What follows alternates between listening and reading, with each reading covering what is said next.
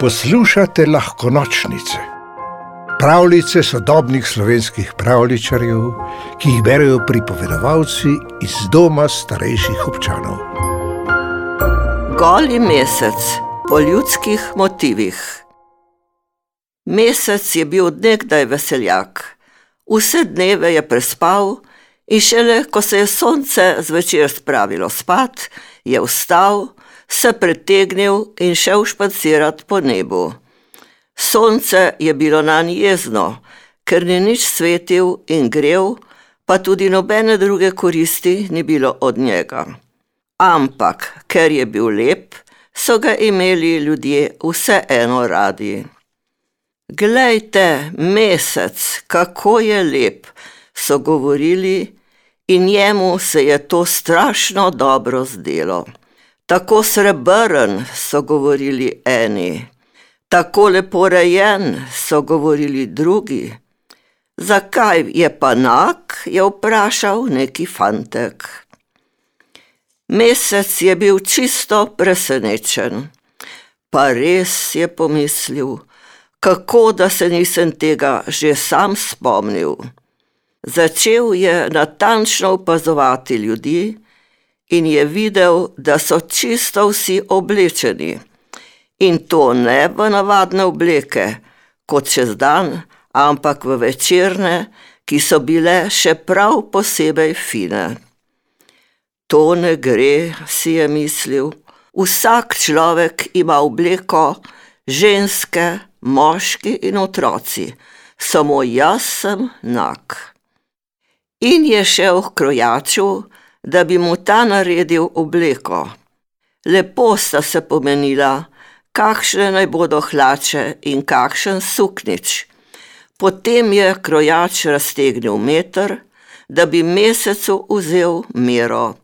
Ampak mesec je bil tako širok čez pas, da je krojaču zmanjkalo metra, preden je prišel v krog. Bil je res pravi veseljak rad je jedel in pil, in tisti, ki so govorili, da je lepo rejen, so imeli čisto prav.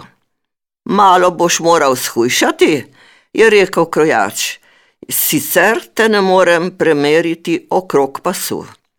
Mesec je bil pripravljen za obleko tudi malo potrpeti in je začel hujšati.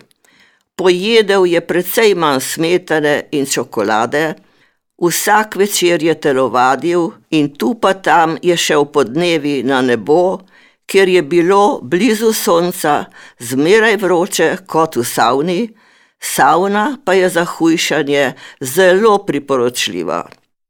Ljudje so gledali, kako se iz večera v večer tanjša in so govorili: Poglejte mesec, kako vitek postaja! Zdaj je še lepši.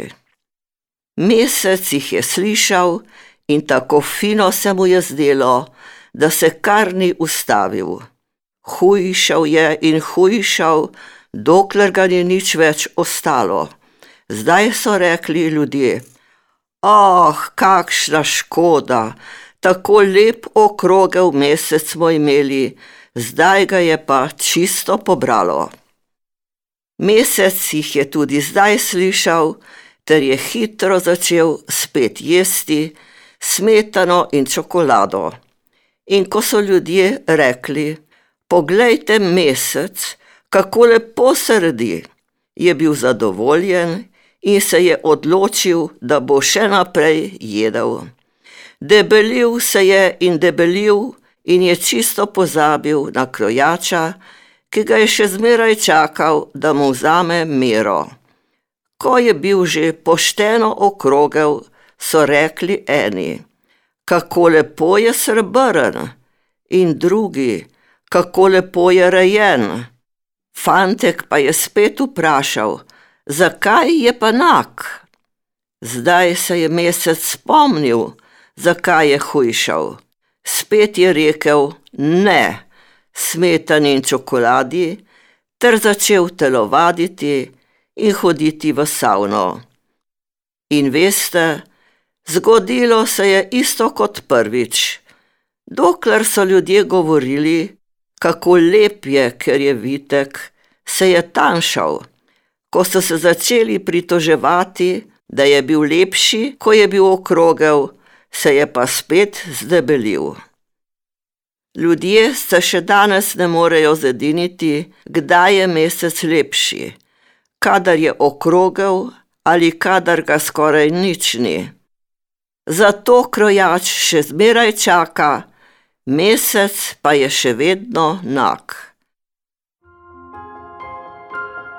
Pravljico napisala Ana Duša, pripovedovala Ivica Prosen.